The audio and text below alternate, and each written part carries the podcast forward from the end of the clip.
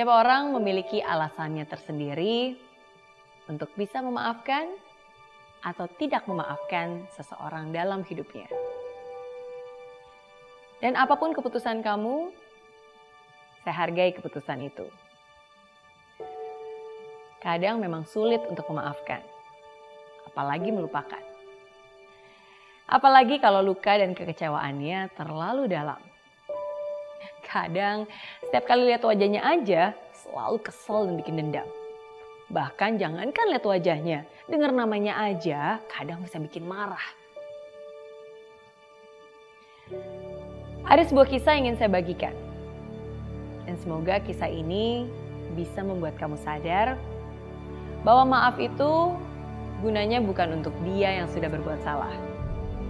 Tapi maaf itu gunanya untuk kamu. Di kalangan para pemburu monyet di benua Afrika, ada sebuah teknik yang sederhana namun sangat efektif untuk menangkap monyet liar di hutan.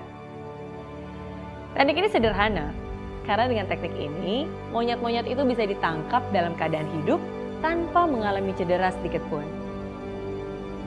Caranya mudah, hanya menggunakan toples dan kacang.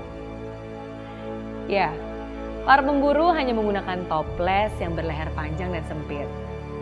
Kemudian, toples-toples tersebut diisi dengan kacang-kacang yang wangi yang disukai monyet itu.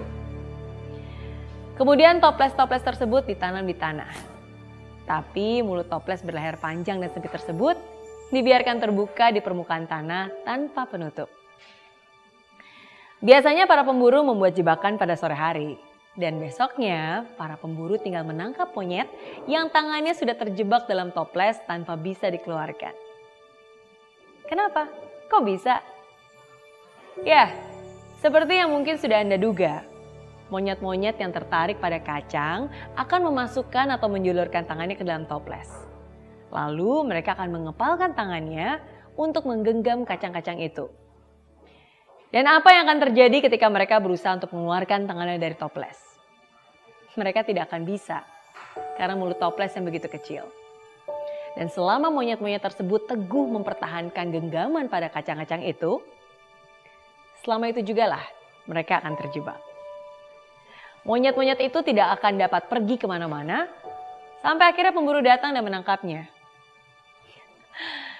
Mungkin kita akan tertawa terbahak-bahak melihat tingkah bodoh para monyet tersebut.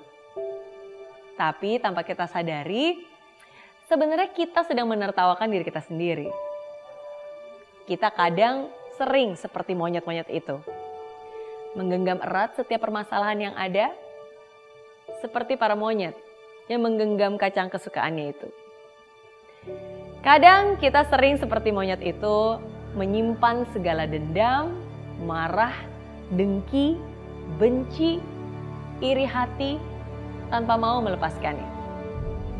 Semakin kita berusaha untuk menarik, semakin kita terluka kalau kita tidak pernah melepaskan genggaman itu. Bahkan lebih parahnya, tanpa kita sadari, mungkin kita sering bertindak bodoh dengan selalu membawa toples-toples masalah kita ke mana pun kita pergi. Dengan beban berat tersebut, kita menjalani hidup ini pantas aja kita jadi mudah marah dan kurang bahagia. Tapi semoga hari ini kita sadar, semoga hari ini kamu sadar. Jangan pernah biarkan dirimu terjerat dalam dendam itu. Jangan biarkan dirimu terjebak di perangkap itu. Kalau kamu menyimpan dendam dan ingin membalasnya karena dulu kamu pernah terluka, yang akan kamu dapatkan nantinya hanyalah rasa kecewa dan luka yang semakin besar. Tapi kalau kamu bisa mengikhlaskan, merelakan, dan melihat lebih dalam, mungkin kamu akan sadar bahwa orang yang pernah melukaimu itu juga sebenarnya terluka. Mungkin dia juga menderita. People say hurtful things because they themselves have been hurt. Kejahatan dibalas dengan kejahatan. Dendam dibalas dengan dendam. Tapi semua itu bisa berakhir di sini. Semua bisa berakhir oleh keputusanmu. Keputusanmu untuk bisa memaafkan dan melepaskan. Bukan untuk dia, tapi untuk diri kamu sendiri. Hati yang penuh cinta mampu memaafkan luka yang ada.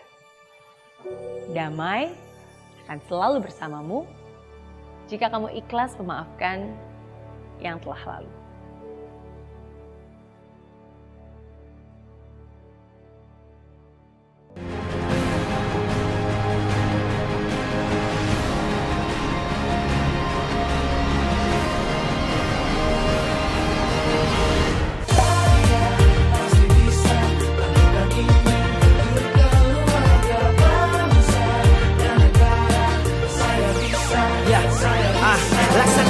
Tanpa hujan Hidup tanpa tujuan Kering dan mati tanpa hijaunya tumbuhan ah.